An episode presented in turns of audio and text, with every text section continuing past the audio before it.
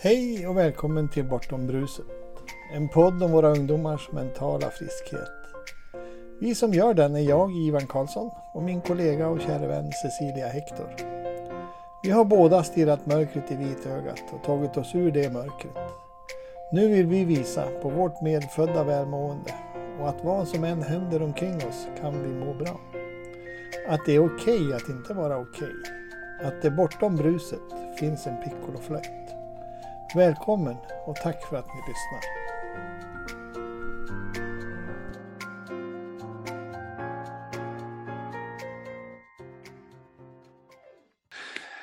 Hej mina goda vänner där runt om i världen. Ivan här tillsammans med Cecilia. Och podden Bortom bruset. En solig dag på Kämpingestranden. Ni ser klarblå himmel. Det är också ett klarblått vatten, blankt. Eh, det är rejält varmt. Eh, och här sitter vi. Midsommarveckan.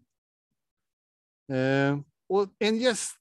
Vi har dagens gäst med oss också. Som jag är så himla glad. Och jag med. Ja, jag också.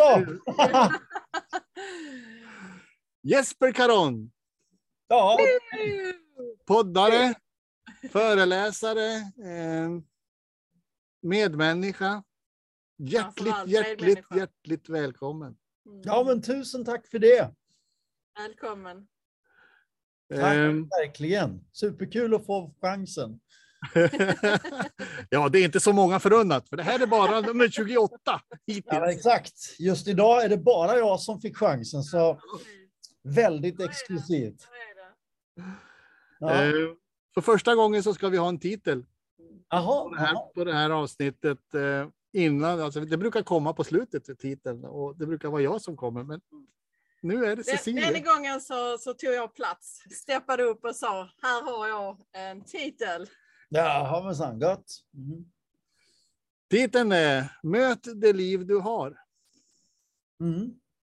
Eh, och mm, säger Jesper. Eh, bakgrunden är ju Cecilias eh, tankar när hon har hört och lyssnat på din podd. Ja. Eh, så att eh, där tyckte hon det här blir perfekt.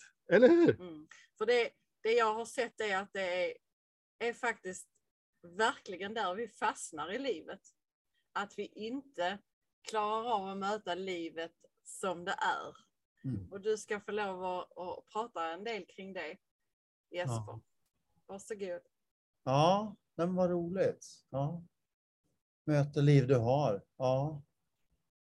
ja. För det finns liksom inget...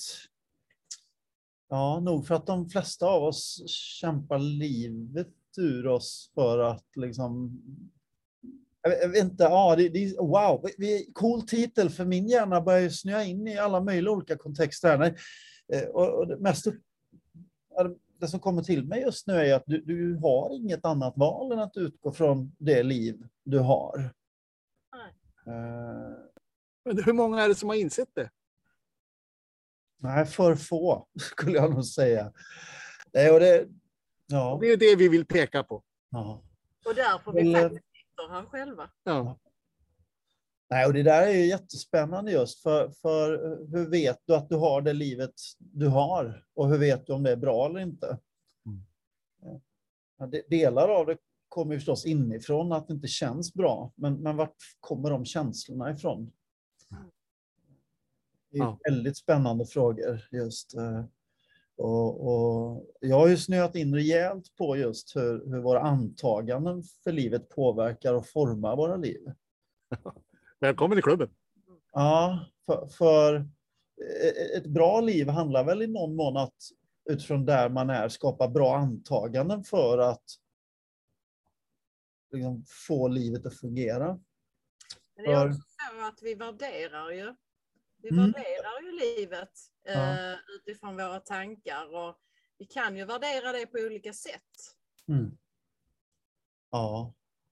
Ja, men precis. Det, och det, det finns så många aspekter. Jag, jag brukar alltid säga så här att, att om du mår bra eh, i livet så innebär att det inte finns något glapp mellan där du är och där du vill vara. Så ju, ju mer du i någon mån är där du upplever att du ska vara, desto bättre mår du. Och ju större glapp det är mellan där du är och där du upplever att det ska vara, desto jobbigare är det. Med enda undantaget, såvida du inte är på väg i den riktningen. För det kan ju vara så att du sätter upp ett mål att du ska ta det någonstans och så rör du dig i den riktningen så känner du att ja, jag är på rätt väg. Men sen när du väl kanske kommer fram så inser du att nej, men det var inte alls hit jag ville komma fram och då mår du dåligt i alla fall. Uh, och, och, den missen gör vi många gånger när vi kanske jämför oss med andra. För hur vet vi att du har det bra? Ja, det, om alla andra verkar ha det mycket bättre, då tycker vi kanske inte att det är bra trots att det egentligen var bra. Mm. Uh, och det handlar väl ganska mycket om förväntningarna? Ja, men jag gjorde, jag gjorde en sån... Eh, jag plockade upp ett sånt exempel som jag eh, eller jag har ett exempel som jag brukar köra numera som väldigt talande.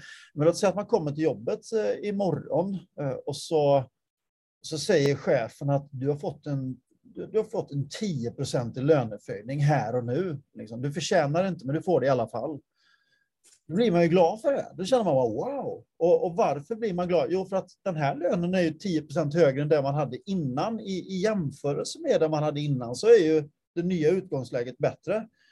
Men sen kanske man då kommer ut och snackar med sina kompisar. Vet ni vad, jag fick 10% i löneförhöjning. Ja, då berättar de, ja, men vi fick en 30 i löneförhöjning när vi kom i morse. Och helt plötsligt så känns inte de här 10 procenten lika bra längre för att de andra har ju fått så mycket mer. Och då börjar man en gång, men varför fick jag bara 10? Man tycker vi gör exakt samma jobb och, och, vi är lika trevliga och vi liksom har sam, liksom man, man, man identifierar sig med andra så tycker man att Eh, eftersom de andra då eh, fick mer så, så är de 10 inte bra. Mm. Eh, och sen kanske man kommer hem då så visar det sig att konkurrenten har gjort konkurs och så har man en kompis som jobbar där och med en gång så tycker man liksom shit vad, vad, vad jobbigt för, för honom. Ja, hur vet man att det är jobbigt för honom? Jo, för att situationen för sin kompis har försämrats radikalt. Eh, för innan hade han lön och nu är finns inte företaget så är det inte säkert att han får lön och då, och det gör du återigen en jämförelse med det som var tidigare. Och, och om du bara har fått din 10-procentiga löneförhöjning då så känner du att liksom, himla tur att jobba på det här företaget för jag fick 10 procent. Det var ju inte lika mycket som mina kollegor, men vi är inte i konkursmässiga i alla fall. Och så i, i den jämförelsen var bra. Så, så hjärnan gör ju såna här kalibreringar hela tiden. Mm. Och om vi då vänder på det, om man tittar på exempelvis eh, i, i Äh, nej, men i, i länder där man inte är så resursstarka så, så får man i någon mån säga att ja, men då kanske vi har det rätt bra här. Så vi gör ju olika typer av jämförelser.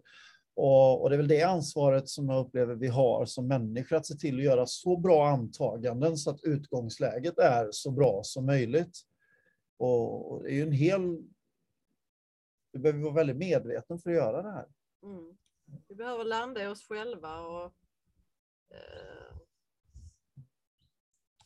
Och så finns det ju då talesättet allting är precis som det förväntas vara. Allting är precis som det förväntas vara. Ja. Så utifrån mina egna tankar, så där jag sitter här nu, så är allting som det förväntades vara. Ja. ja. Jag hade inte någon annan förväntan än att sitta här och prata med dig. Nej, det var precis. Och det, för mig så gäller... Tänk om du, satt, kan du satt här nu och kollat på klockan hela tiden och kan vi inte bli färdiga snart? ja, för då kommer vi in på det här med...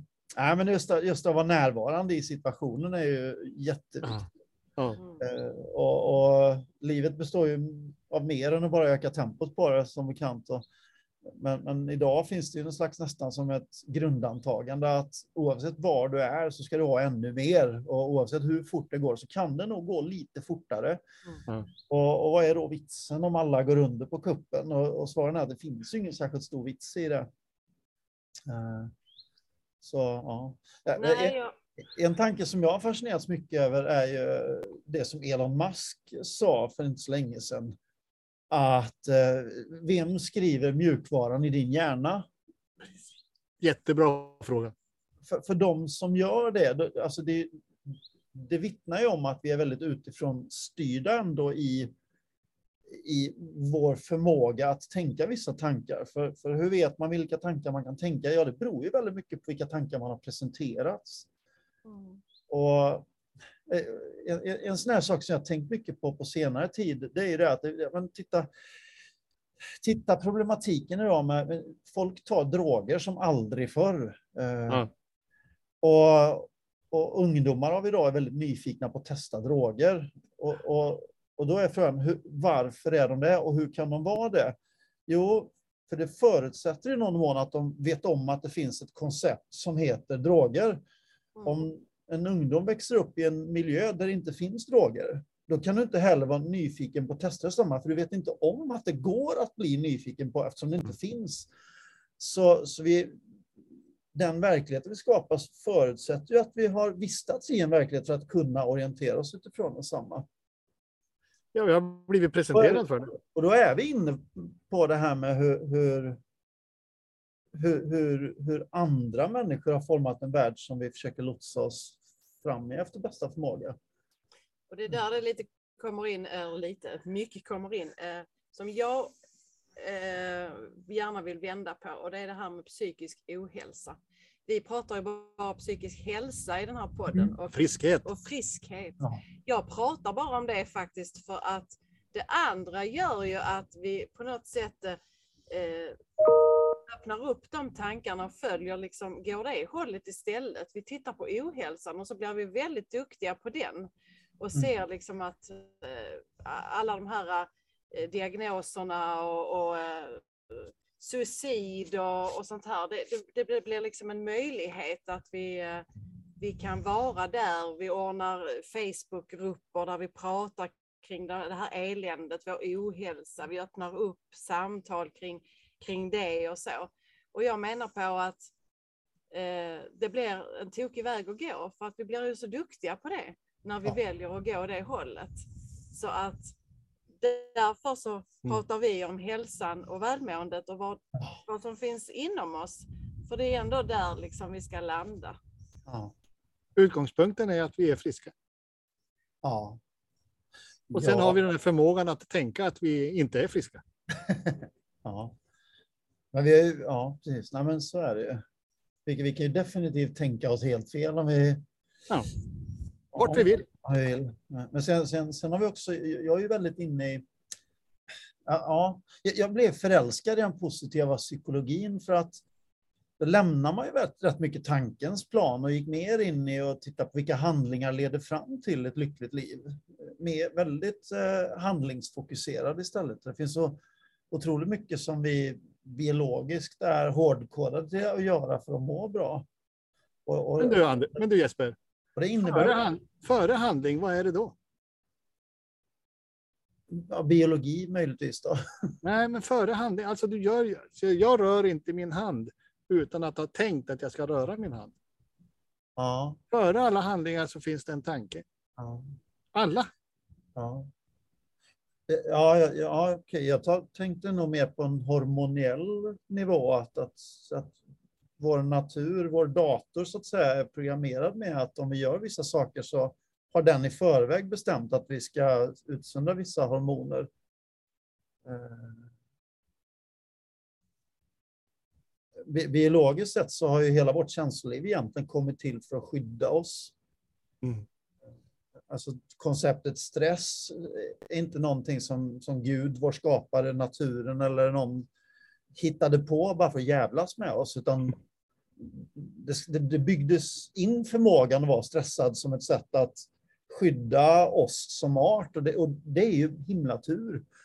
För hade inte naturen byggt in det så hade vi gissningsvis inte funnit då. Eller ja, om det är tur eller inte, det beror lite grann på om man tycker att det är bra att människan finns eller inte. Då. Man, tittar man hur mycket vi skadar planeten så kanske det hade varit bra då att vi inte fanns. Så att, Eh, men, men konceptet stress är ju skapat utifrån det eller det faktum att vi mår så otroligt bra när vi får en kram. Det är ju lite grann naturens sätt att förklara att det är nog bra om ni håller sams, är nära varandra, försöker gå i samma riktning. Så varje gång vi gör saker som hjälper varandra så, så utsöndras de här härliga hormonerna. Eh, så, så naturen... För att de ska utsöndras i min värld... Det har hjälpt oss lite grann på traven där i att veta. Att livet är väldigt mycket enklare än vad vi tror många gånger. Ja, det- har, du en, har du en mätt mage, eh, ett antal människor som älskar dig och att du har vett att förstå att behandla dem du har omkring dig väl och i någon mån se till att Men är inte det vårt naturliga tillstånd att behandla med alla människor väl, att hjälpa till? Alltså, Människan vill hjälpa till Ja, egentligen. och då, då kommer Eh, i, i positiva psykologin med för att man man kan ju egentligen fråga sig, men det är ju sådana här klassiska, och den har, den har jag haft som exempel under föreläsningar många gånger så här. Hur många har hört, hört att om du skriver ner tre saker som du är tacksam över så blir du lycklig av det? Och det har ju alla hört. Ja, hur många gör det då? Så, nej, det är ju nästan ingen. Eh, Så, så alla vet om det, men man gör det inte i alla fall. Eh, Mm. Och, och, och, och då är ju det en bra sak, att, att värdera det man har i någon mån. Det, det skapar ju en väldigt skön känsla inombords. Ett, ett listigt sätt att ganska snabbt må, må bra. Eh, Och det är väl det jag menade just med, med, med en positiv psykologi. Och, och kan man fråga, be- behövde du verkligen studera att du blev lyckligare genom att värdesätta det du har och är tacksam för? Tydligen, eftersom ingen gör det. Men, men värdet på den forskningen är ju egentligen ganska litet om inte folk börjar göra det. Och, Mm. och, och det är samma sak som att, eh, jag menar träna exempelvis, alla vet om att det är bra att träna. Eh, men det är inte förrän du faktiskt gör det som du åtnjuter fördelen av det. Mm. Eh, så, så, så kunskapen för vad vi behöver göra för att må bra är större än någonsin. Men jag upplever att för varje år, ju mer vi vet vad som är bra att göra, desto mindre tillämpar vi det vi vet är bra att göra. Så, att, så det finns en total kollisionskurs mellan förståelsen kring hur vi människor är och vad vi faktiskt gör. Mm. Folk letar genvägar som aldrig förr. Man, man orkar liksom inte ta tag i bitarna. Och då, och då kommer ju liksom, jag nämnde det här med droger, jag tror att man är nyfiken på det, för att om du mår skit och så vet de att det finns det här pillret eller här pulvret eller vad det nu är, så kan du må jättebra utan ansträngning. Då talar du rätt språk till den moderna människan. Man vill ha allt på en gång, helst utan att göra någonting. Eh, och, och det antagandet kommer aldrig göra en människa lycklig långsiktigt. Eh, jag utvecklar en modell för det här med lycka för att göra det lite enklare för människor, så jag kallar för tre dimensioner av lycka. Och, och, och det blir ju som en slags karta för att, att må bra i någon mån. Då. Jag pekar också på att det finns en plats i var och en av oss där vi kan finna inre ro. Och det är också bortom eh, värdering, antagande, önskningar, eh, analyserande. En plats där vi liksom kan få släppa taget och eh, följa med i den här feelingen som vi känner. Som, eh, som faktiskt små barn känner av sig självt. Mm. Att, eh, att vi inte behöver liksom att det finns inget arbete eller görande bakom att, att, att eh, eh, vara, Det är medfött. att vara i den, utan egentligen är det att, att skala av, skala bort alla de här osanningarna som vi har lagt på oss. Och eh, när vi gör det så, så kommer den här ron eh, inom oss och den, den, den, den eh, liksom flödar ju ut i hela kroppen på oss och, och får oss att slappna av. Och jag har ju verkligen känt den kraften eh, för mig själv för att jag har haft otroligt mycket värk och eh, spänningar och Mm. muskler som har liksom suttit så här. Och när jag har, har liksom kommit åt mitt inre och, och fått den här eh, inre ron så har det slappnat av och på så vis så har inte jag värk längre. Och jag var ändå på smärtkliniken och på utredningar och, och, och tryckte i mig massa mediciner för att Mm. stå ut. Och jag vet att du också har haft eh, svårigheter med, med, med värk. Mm. Ja. ja. Eh, Jag lyckades ju aldrig landa i, i, i, värk. Det var många som när jag hade värk kom till mig med olika idéer om hur man kunde liksom, ja, men, för, förhålla sig till verk.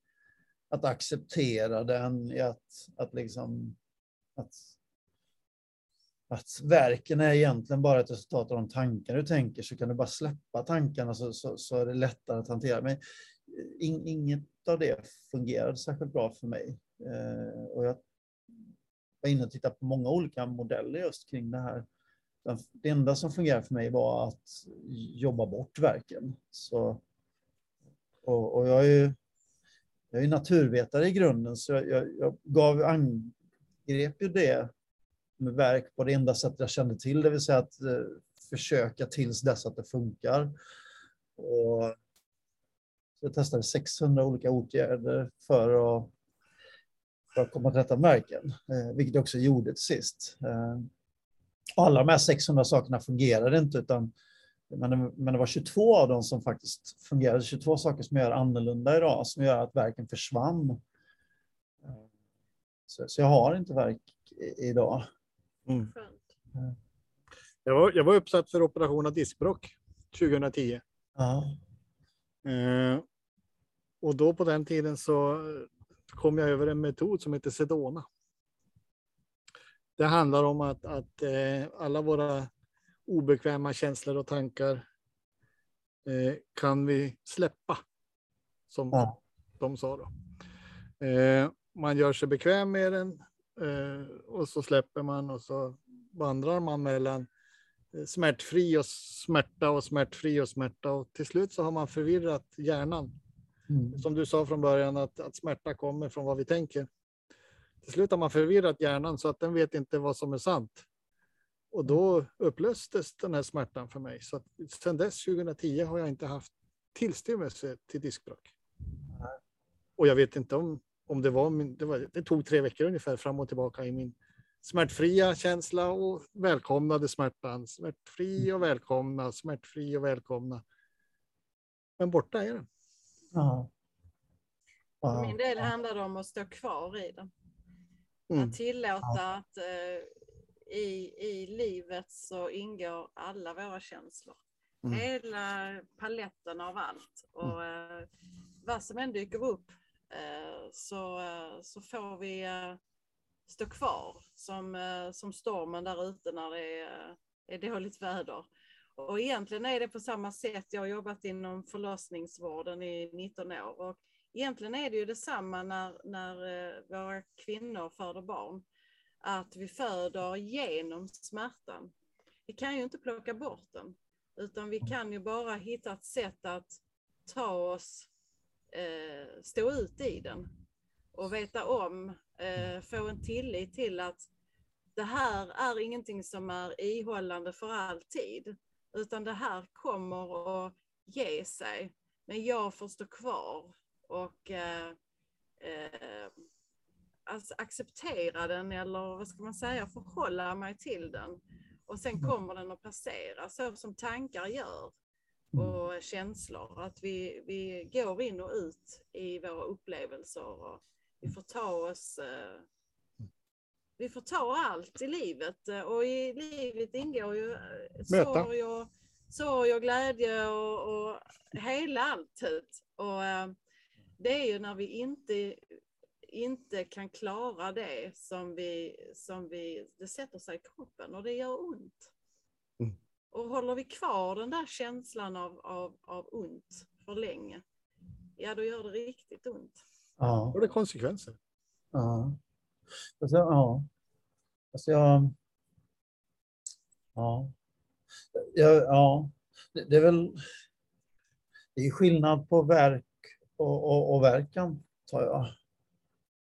Uh, ge mig ut på områden som man inte riktigt... Jag är ju ingen expert på verk, jag är bara expert på, på den reumatiska verk uh, jag hade. Och, och, och den... Jag, jag, tänker som så här att om man tänker sig en... Att man har en arm och så håller man en tändare under armen. Kommer det ju bli ett, ett brännsår till sist. Så, så lösningen är ju inte att försöka tänka annorlunda eller att släppa det, utan det är ju att ta bort tändaren. Eller flytta armen. Eller flytta armen. Så att... Eh, så, så den verken jag hade, jag, i, den behövde ju ta slut för att jag skulle att, att jag skulle kunna hitta hem. Mm. Eh, för, för, du nämnde just det här med förlossningsverk. Och det, jag hade ett sådant exempel i podden också. Det var när jag talade om kontrastramar. Och det var en kvinna som kom in med just det exemplet att, att, att det som tog henne igenom de här verkarna var just det att hon tänkte att ja, mina verkar är övergående.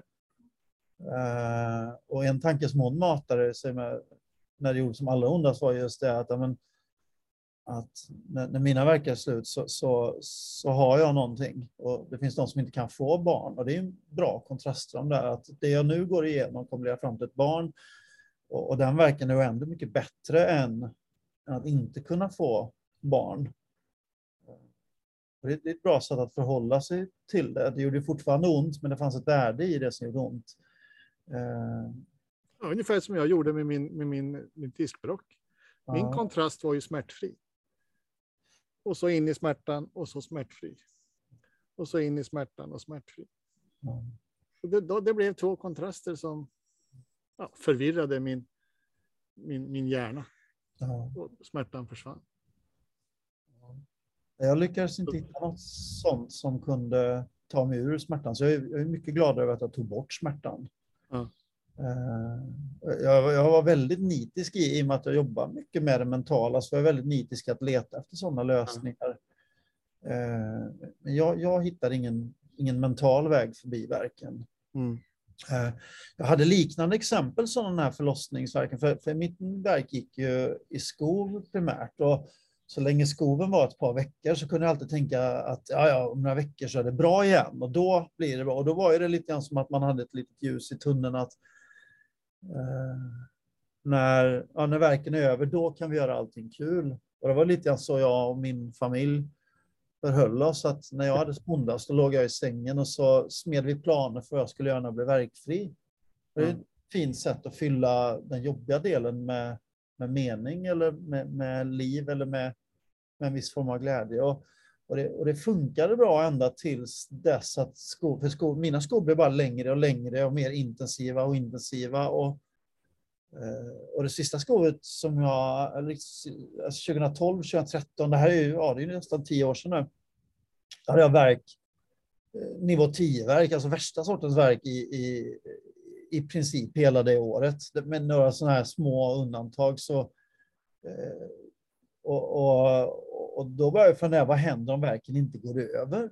Och, och då kände jag, då vill inte jag vara med mer, för att det är inte mycket till liv att ha så ont. Och då hade jag ändå, i och med att jag har levt med verk så länge, blivit, blivit duktig på att eh, liksom hänga upp verken på att om jag har två fantastiska ungar, jag har en underbar fru, jag har ett arbete som betyder precis så mycket som helst för väldigt många. Så det är mycket i andra sidan som var andra vågskålen som var, var fantastiskt. Men, men till sist gjorde det så ont så att det spelar ingen roll hur mycket bra saker jag fyllde på med. Det kunde ändå inte övertrumfa verken. Så för, för mig var enda sättet att kunna leva vidare, det var att hitta en väg ur verken.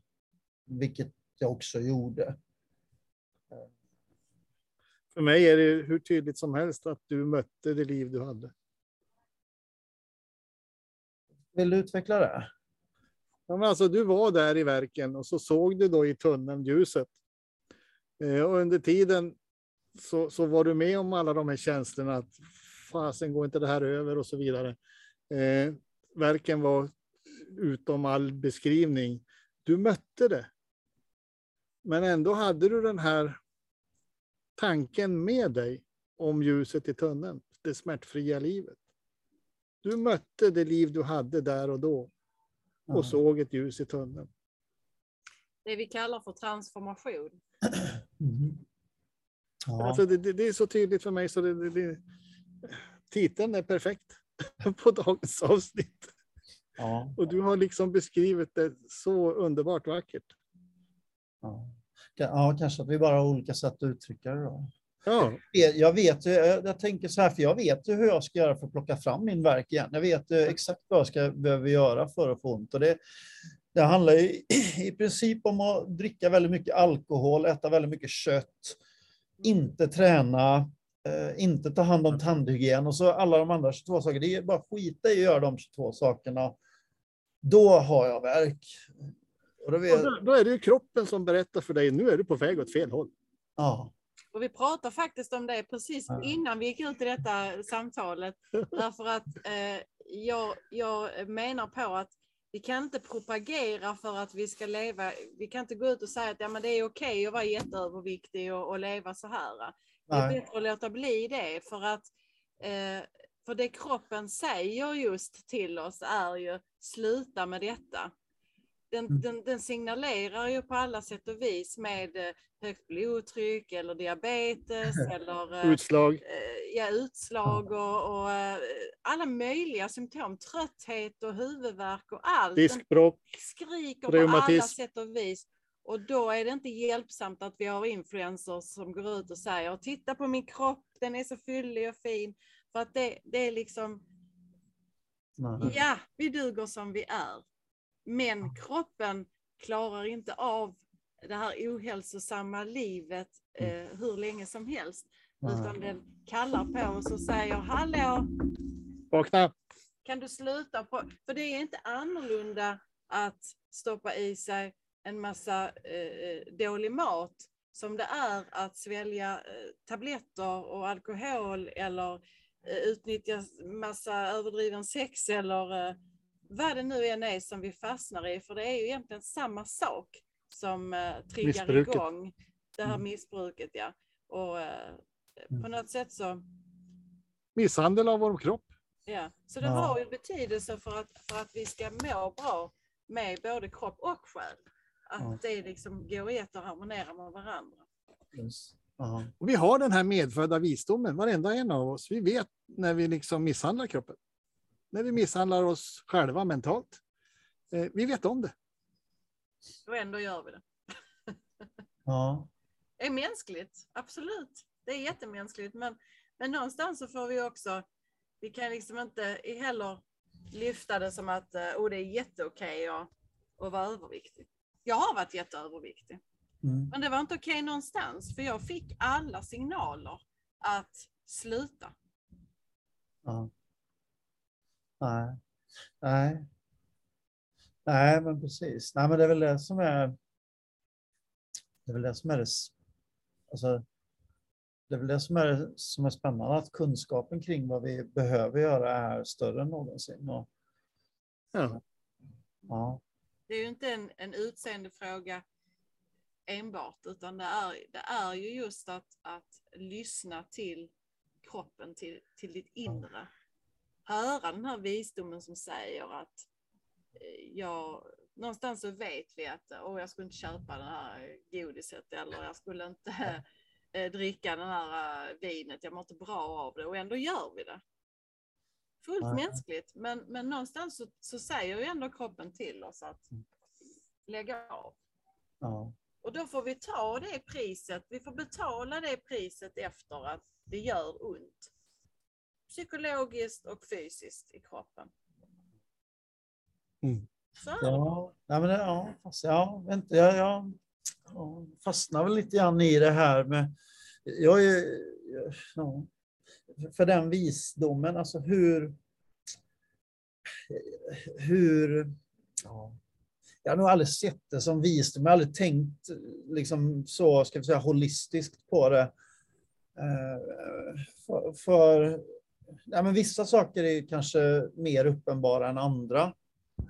Ja. Att, menar, att dricka sprit, liksom, Röka. jag kan nog, kan nog säga att ja, men det kanske inte är bra då. Eller att röka exempelvis, det, är en sån som, som Det finns ju ingen rökare som inte vet om att det här är inte bra för mig. Nej, nej men precis. De är ju rätt uppenbara. Men sen kommer vi in på de här, ska vi säga, lite svårare. Liksom, är, är, fisk bra att äta exempelvis? Om man nu liksom, tittar på hur, hur vet du om det är bra eller inte? Eller som själv... Kroppen, talar, kroppen talar om för dig om du över, över, över intar fisk så kommer kroppen att tala om det för dig.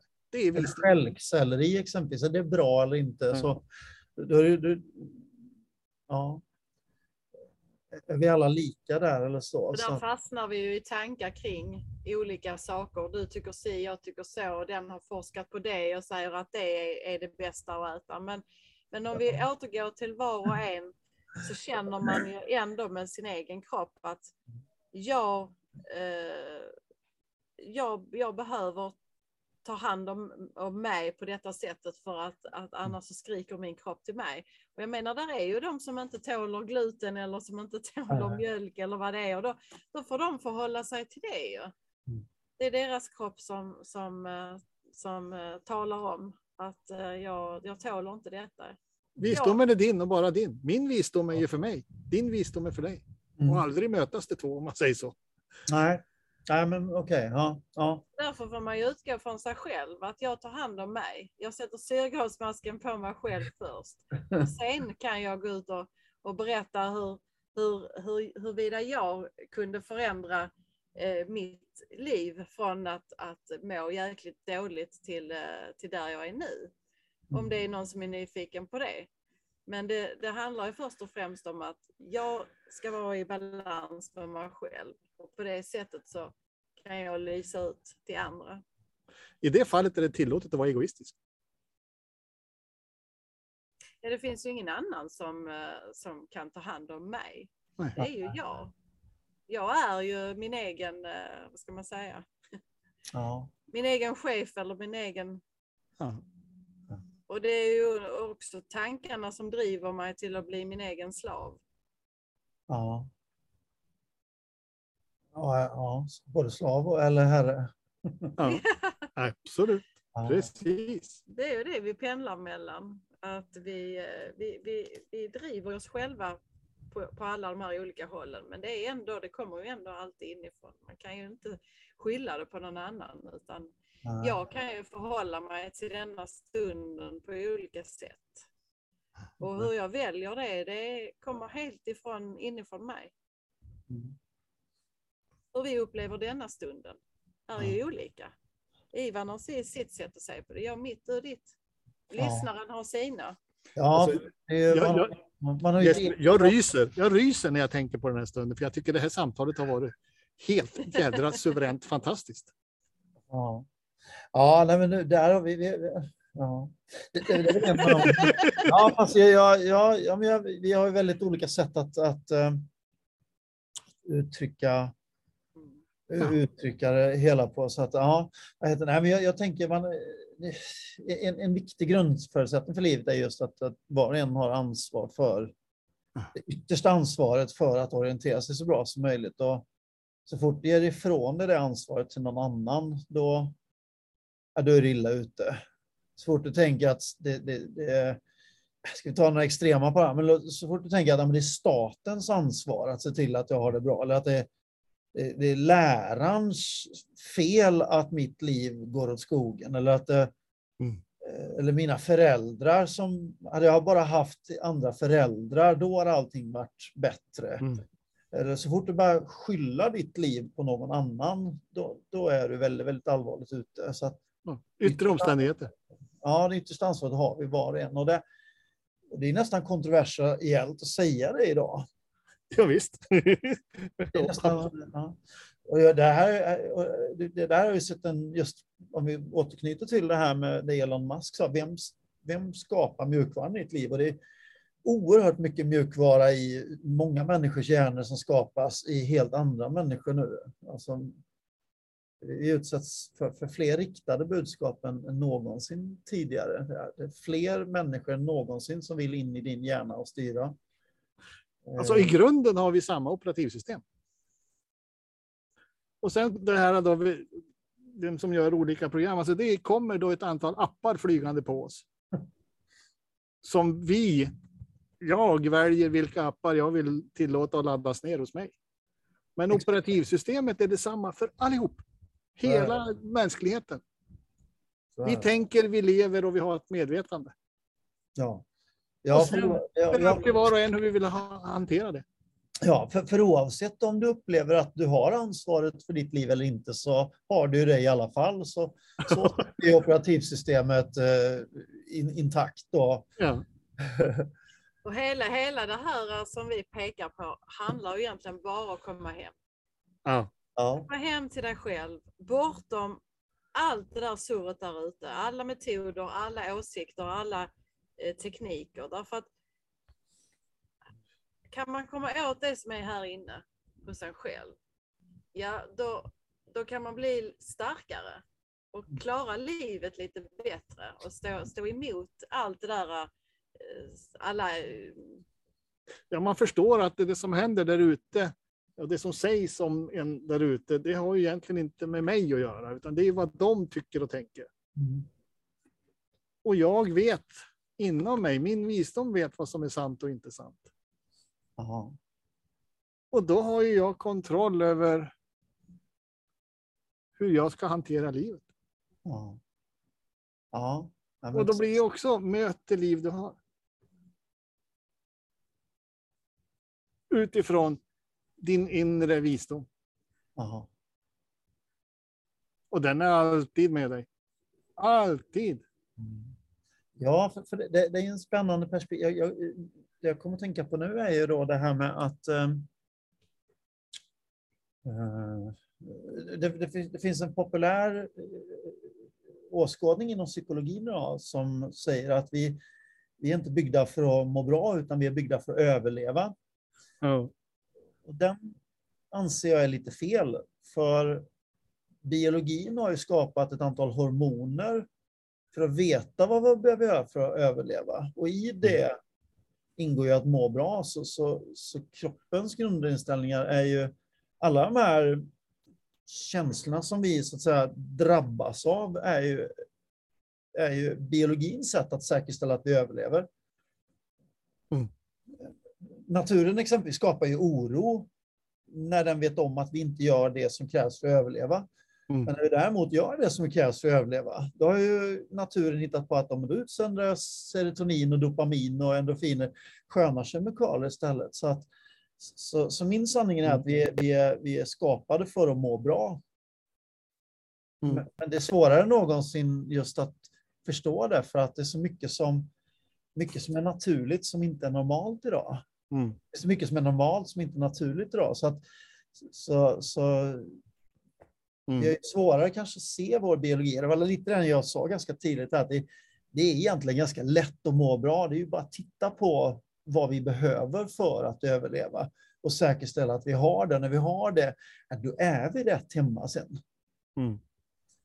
Eh, Och ett av de snabbaste sätten att påverka hur man mår, det är ju hur man rör på sig. Så att eh, genom att bara röra på sig så sätter du igång endorfinflödet. Och hjärnan har ju hittat på att det är bra att röra på sig bara för att man ska kunna Mm. hantera, liksom att kunna jaga och så vidare. Då. Så att det, biologiskt sett så, så kom naturen på att det, är- det är bra att skicka ut ett endorfinflöde när vi, vi rör på oss. Mm. Eh, och, och idag behöver vi alltså bokstavligt talat inte röra oss. Vi kan ju ta bilen överallt så. Eh, men då går vi också miste om den biologiska effekten som det innebär att, att röra på sig. Så, eh, och då får vi ont. då, då får vi ont, ja. Och så inte undrar vi, varför så- har jag ont? Det måste vara något fel på mig. ja, Det Ja, är, men det var- ha en sjukdom för att eh, det, det, det, det är inte normalt att ha så här ont. Så att det, jag måste vara sjuk på något sätt. Och så är det egentligen bara eh, vår livskraft eller vår eh, som säger till oss. Det är liksom som ett kärleksmeddelande till oss som säger du, rör på dig lite. Ja, Alltså, men vi värld, ja. ja men det, och världen är ju så sjuk. Alltså idag, ja, man, man skulle kunna tänka, det, det vi sa nu, det skulle man kunna tänka sig att det är självklart. Men det är inte självklart. Jag, jag trodde att alla visste att det är bra att röra på sig för att man mår bra då, men ni anar inte hur många gånger, för, för det är, träning är en av de 22 faktorerna som gör att jag är verkfri idag. Eh, Så jag fattade ett beslut för 1491 dagar sedan att träna varje dag. Eh, jag firar snart 1500 dagars jubileum här nu med daglig träning. Men när jag, när jag har berättat om att jag tränar varje dag, då skulle man ju kunna tänka sig att jag får reaktionen, ja men gud vad bra att du tar hand om dig. Nej, den normala reaktionen är, liksom, du måste ju vila, du måste ju, det är ju farligt att träna varje dag. Och, och då brukar jag få berätta för folk att nej, nej, nej, nej, om du tränar på rätt sätt så kan du träna varje dag utan träningsuppehåll. Men du kan inte ha träningsuppehåll varje dag utan att träna, oavsett hur du gör det. Så, så världen av idag är orolig för fel saker. Men men, men, men, det är viktigt att komma ihåg att de här människorna som kommenterar, men snälla vän, du kan ju inte träna varje dag för att då kanske, då kanske du tränar för mycket, tänker de då. Och, och det är ju det är en hjärtlig... Avsikten med en sån kommentar är hjärtlig, men då brukar jag alltid fråga folk, de här som aldrig tränar, känner du samma omsorg om dem? Mm. Att du berättar för dem att, hörru du, du borde träna. Mm. Eh, Så här, nej, nej säger de då.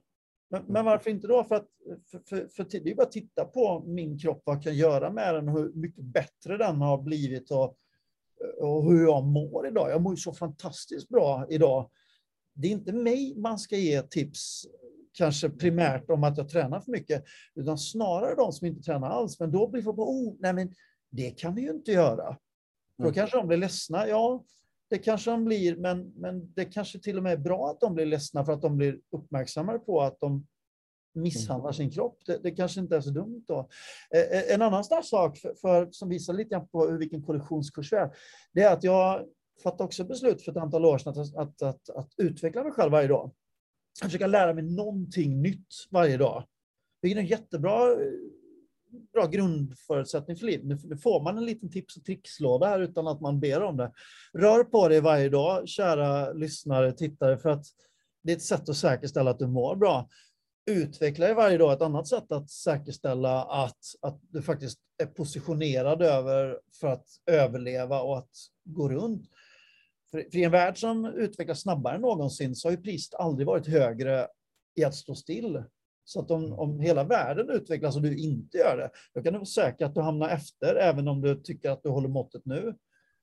Eh, Så, så, men, men när jag berättar för folk att jag, jag studerar varje dag, oh, då säger folk, men du måste ju vara ledig också.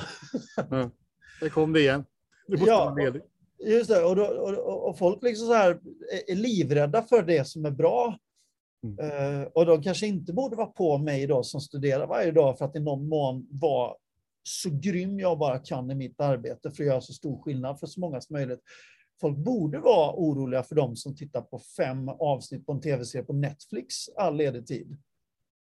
För det, är också en typ av, det är också en typ av utveckling, bara att den är helt värdelös för i princip hela livet.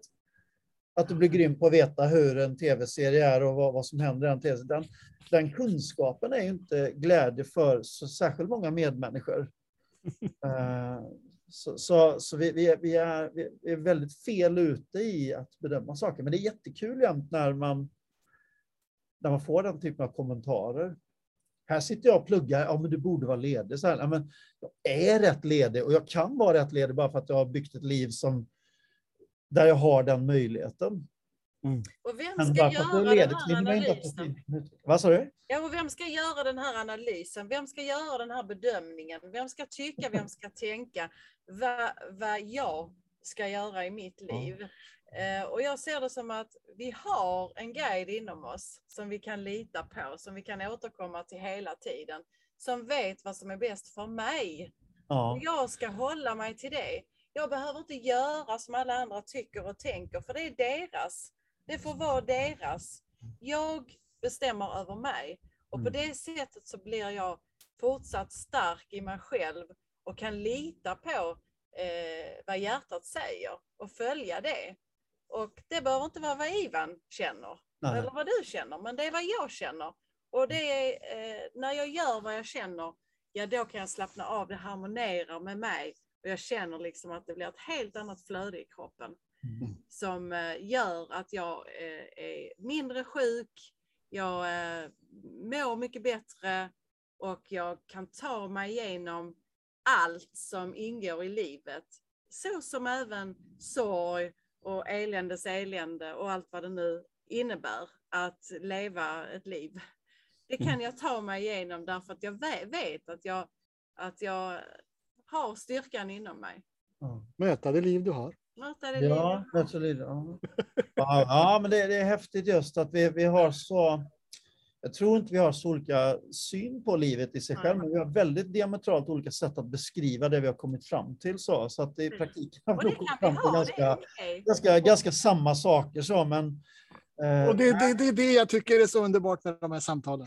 Ja, nej, men det är jättehäftigt. Eh, Fast, ja, för jag, nu gick jag igång på den här, just det här med, jag, jag har ju många kompisar som är buddister, de pratar också om den här inre visdomen som finns Ja. inom oss. Eh, och, och jag, ibland kan jag bli så här, så här nej, jag, jag är inte säker på att den här visdomen är så solid och så tydlig eh, jämt. Eh, Men jag tänker som så här, för jag, som jag sa, jag testade i princip 600 åtgärder för att bli verkfri, varav 22 vet jag funkade. Och, och, och då tänker jag som så här, att om jag hade kunnat lyssna på min inre visdom, hade jag då sluppit prova de andra 578 sakerna. Och, och jag är inte säker på det, utan jag är nog mer så här systematisk, ja, men prova och se. Och Det var din visdom som sa åt dig att göra det. Precis. Så att, så att, jag fick, jag, fick en massa sådana här, så här, men du vet, nyponpulver är bra. Det var det många som har blivit verkfria av nyponpulver. Jag tänkte, jag får ju Rödbetssaft. Ja, men då får jag prova nyponpulver. Det var att det hade ingen som helst effekt för mig, det här förbaskade nyponpulvret. Så. så den är med på min lista över saker som inte funkar. Eller, eller gurkmeja, riva ner. Det är jättebra. Det är antiinflammatoriskt och så här. Så, så, så blev jag illröd på fingrarna när jag höll på att riva ner den där förbaskade gurkmejan. Så, så, så jag åt så tonvis med gurkmeja under en period. Men nej, det, det funkade inte för mig. så här. Eh, och det är frågan, Vi har en kropp att förhålla oss till. Ja, så- så att tänker jag- tänker att, eh. Vi har inte kanske- samma förutsättningar kroppsligt, eh, men, Ja, men mentalt så... det, det kanske inte är fel. Vart, vart jag ville komma fram är väl att det kanske... Alltså själva sökandet i sig är ju fantastiskt spännande. Mm, det är din visdom. Det kanske är skönt att inte... Det kanske är skönt att den här visdomen inte är så total, för om du hela tiden visste vad som var rätt för dig att göra, då hade livet varit ganska osexigt om du frågar mig. Jag, vet du, jag ser det absolut det, det, det, det, att det, spännande är ju, det spännande med livet är kanske just att du har möjligheten att gå vilse.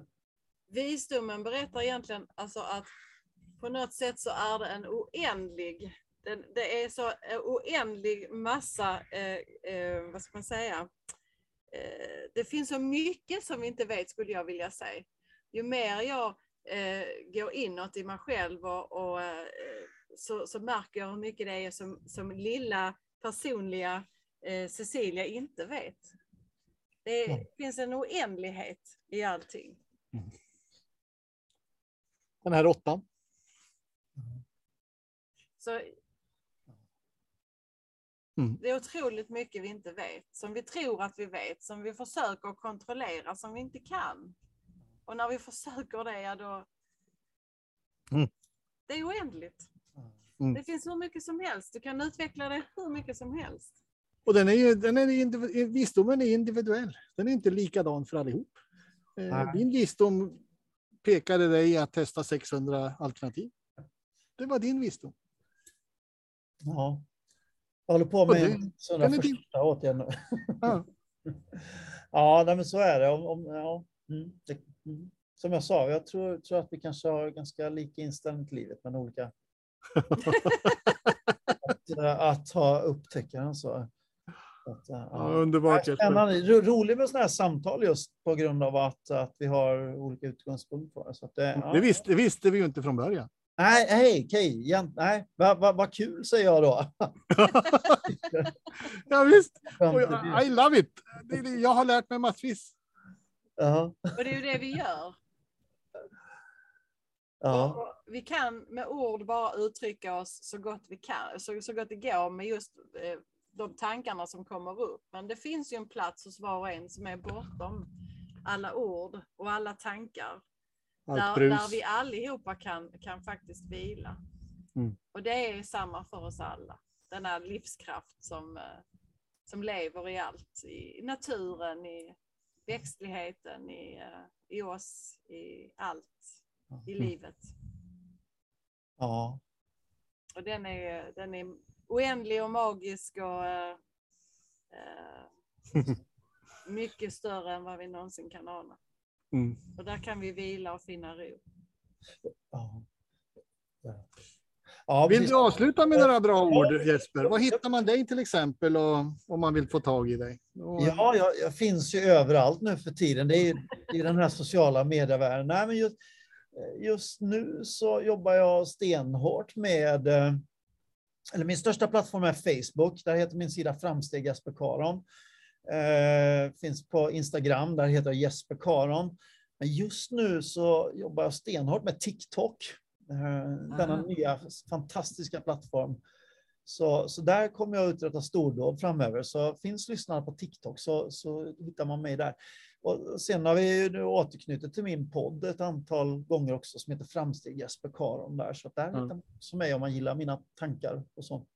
Yes. Och så, så ja, det finns bara en Jesper Karon på hela planeten enligt Google. Så söker man på mitt namn så hittar man mig antingen man vill eller inte. Underbart. Toppen. Tack, Ja, nu för, att du, tack ni- för att du dök upp. Avslutande ord. Så här, jag vill ha en avslutande ord. Du, du bad mig om det. Nu ska du få Ja. det också. Så här, en, fråga som jag ställer väldigt ofta och har gjort en tid nu och som öppnar upp väldigt mycket. Det är som så här, ja, hur mår du och mår bra? Brukar folk svara, ja, hur vet du det? Mm. Eh, och, och svaret på den frågan är väl, för att använda era ord då, det är början på din inre visdom.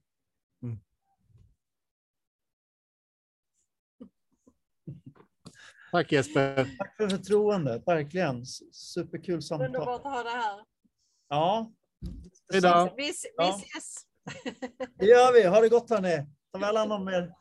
Tack. Hej. Hej.